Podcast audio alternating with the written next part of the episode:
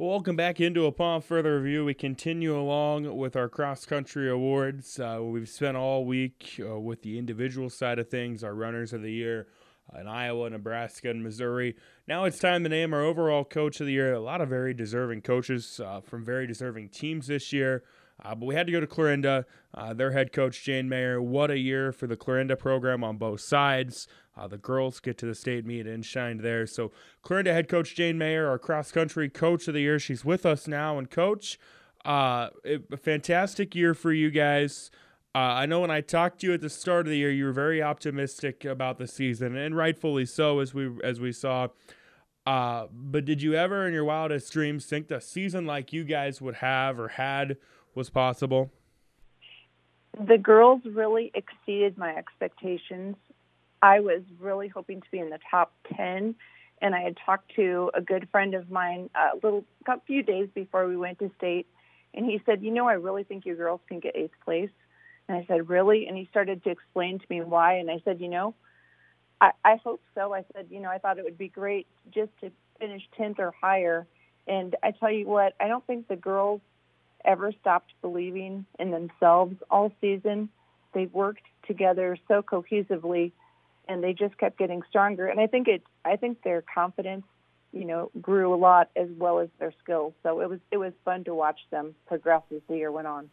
Was there a point for you uh, as coach where maybe kind of the light came on and you were like, "Hey, you know, we, have got a chance to to do something really special"?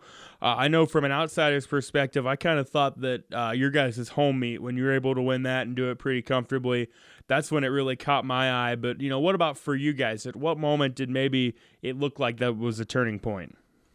At the panorama meet, um, there were there was a lot of really good competition there, and the girls were able to pull out a, a win there. And as other teams walked by and they started to congratulate us, you know, we've never really gotten notoriety from other teams before, so that was a game changer. Just having people recognize us and and just you know congratulate us, and that's one thing I really like about our sport is most of the people are very very supportive. Again, talking with Jane Mayer of Clarinda, our KMA Land cross country coach of the year. Uh, you guys had a, a, remarkable showing at the Hawkeye 10, and the Hawkeye 10 year in and year out always has a lot of great cross country teams. I believe there were four. I might be wrong, but I know there were at least four state qualifying teams uh, from the Hawkeye 10 this year. You guys took third. Uh, how big of a deal was that for you guys to to be up there towards the top of the conference? Um, we wanted to be in the top one fourth, and we had talked about. We thought it was possible to get third and we were really happy with that. But then when we found out that they medaled first and second, we were like, oh dang. But anyway, that's something you know to work for in the future. But no, we were very very proud because last year, you know, we weren't even able to have a full team, and so to be able to go from, you know, in the past we were, I would say, more in the bottom of the Hawkeye conference, and and then to be able to come out with third, that was just a huge change for us. And like you said, it it just sort of showed that we were coming along as the year went on. Yeah, I remember uh, your one senior, Ashlyn Eberly, uh, made the comment to me at one point in the year about you know her freshman year. I think she was the only girls girl runner at some meets. Uh, now you guys have had a full team, uh, and the junior high programs are doing well uh, as well. Uh, so speak to what it's been like to to watch the program grow over the last couple of years, uh, and and in turn also uh, watch your runners grow and improve. That was evident this year as well. It looked like.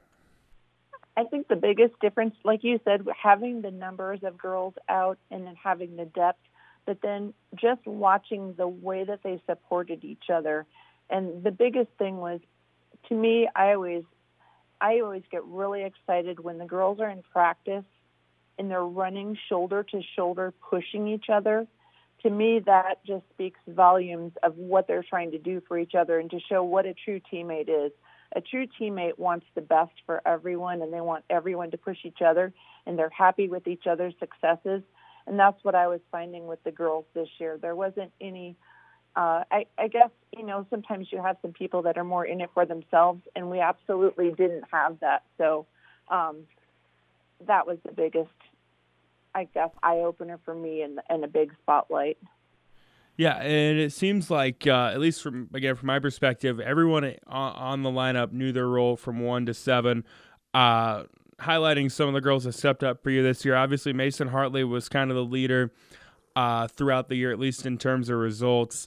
Uh, speak to you know what you feel she's able to bring to the table, uh, kind of as that that you know that big name runner. Uh, and then there were a lot of other nice pieces around her, like, like Rayanna Henke, who's growing. I think is going to be really good by the time her career's over. Uh, and Ashlyn Eberly, who was kind of the seasoned veteran. Absolutely. Um, you know, Raina is unique in that her real favorite sport is swimming. so to watch her be that fantastic at running and know that she's even better as a swimmer. I guess anytime that um, I can convince somebody that yes, you can do our sport too, that was huge. Um, getting Cheyenne Sunderman recruited from track last year to run cross country, she has been a solid all the way through. Never ever let us down. I mean, she she just is a competitor, and you can watch her in her other sports. She just doesn't let up. And I liked watching her in the relays uh, last year in track. She did that. Um, one thing with Amelia, her her best sport, Amelia has her best sport is basketball, but she runs cross country to help get in shape for that. And she's got some really good middle distance speed. So one thing that I worked with her on is just trying to use some of that same mentality I think getting it in her head, you know, forget you're doing a 5K, pretend like this is part of, you know, one of your middle distance races and really try to get those wheels turning. And that was one thing we worked with her. Um, let me, I think I talked about, yes, Callie's the one that I wanted to talk about. Callie is understated. Callie was right there with everybody and she just kept getting closer to the top. You can look at her times and see how close she was to our top runners, but she was just a positive, solid all the way through, you know, at number four. And she is just a freshman. She is amazing. And, and in practice, she ne- she was there from June 1st all the way through to the end of the season, just so committed and just really wanting to get better. And I tell you what, she's going to be fun to watch as the years go on as well. Getting down with Clarinda cross country coach Jane Mayer, our coach of the year. You guys get to state. Uh, you win the district championship at Southeast Valley on kind of a you know a cold day and a long day, but you get to state, and then you have a good showing there. Uh, talk about what that experience was like, knowing that you've got a young team with, with one senior uh, and a lot of girls. I'm sure it was a very eye opening experience for them. Uh, what was it like to, to have that, and what did you like from them in Fort Dodge on that Saturday? Um, I will tell you the honest truth. There was the night before they were so excited and having so much fun, and I said, you know, we really need to buckle down and, and get serious. And they're never they're never bad kids. They're not wild kids or anything like that.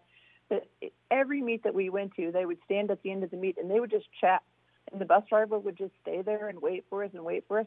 And I think that evening before they went to the state meet, it was the same scenario. They just wanted to talk to each other. And I said, girls, you know, we've got to get to sleep.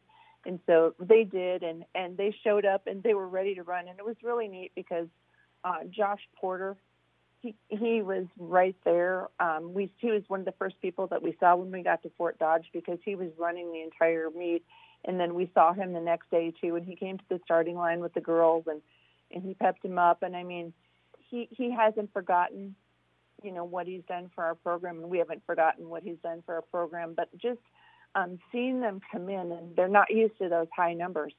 And I don't think, especially the funny thing was with uh, Callie and Ray, they had no idea how well we did as a team, and they didn't even remember talking to me and me telling them how well they did. They, they had just exhausted every resource that they had, and that was the way that they ran all year.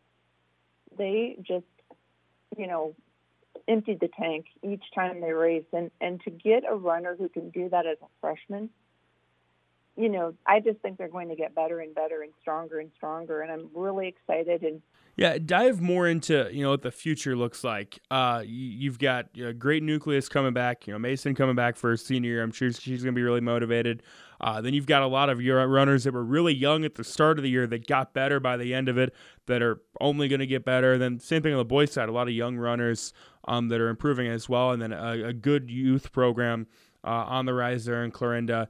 Uh, how exciting! How excited are you guys looking ahead to 2022 and beyond? I think about it every day, and I think about what I want to do, and I think about how I want to make our program better. Um, for me, this is this is just the beginning. I have so many things that I want us to accomplish in so many ways that I want to get us better, and I'm just really excited about that. Uh, you said to talk a little bit about the team. We we have one girl who has had a really really successful um, junior high campaign coming up, but also I told the girls, you know, we had six six runners who are varsity this year. I would really like beginning June 1st when we can, you know, start our run club to have everyone working together like we did last year, but I want it to be filled out. I, I want to have seven runners, and I told them I'll only do that if you're running together. I will not take somebody who's running, you know, minutes behind just to fill out the seventh person. I want I want the depth, but I also want the quality. And I don't I don't want that to sound snobby, but I think it's I think it is an honor, you know, to run on the varsity squad, and I want that to mean something, not just to, you know, like I said, fill out the roster. Um, as far as the boys, Trayton Scoppater has been the greatest leader on our team. He's only a sophomore, but he is a leader for every squad. He mentors the younger kids. He is at the start line of every race, firing the kids up at practice. He'll run his workout, and sometimes he'll slow down and run with some others who need some help. Um, he's just he has got the heart of gold and he has a work ethic that you just don't see every day. He's like um, his work ethic is much like Mason's and and together I tell you what we have some really great leadership. Of course I'll miss you know our seniors, but I also think that we have some some great younger classmen who are good leaders and in addition to trying to fill out the roster for the girls varsity, we need to really get some of those JV boys that I have that are amazing young men, just amazing, but getting them to believe that they can run at the level that I know they can.